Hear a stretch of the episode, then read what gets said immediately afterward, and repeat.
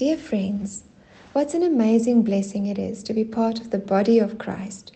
When we accept Jesus as our Lord and Savior, through His Spirit, we are all placed inside Christ as one living body. In Afrikaans, we call it a liggaam, which is interesting because the word includes the word light or lig. This is so beautiful because God wishes for his body members to shine the light of Jesus for each other. Jesus says in the Bible that we need to carry each other's burdens.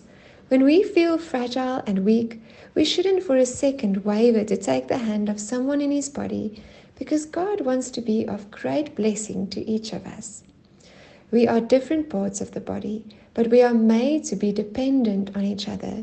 We need each other desperately. This was always God's perfect plan that the body parts cherish and care for each other deeply.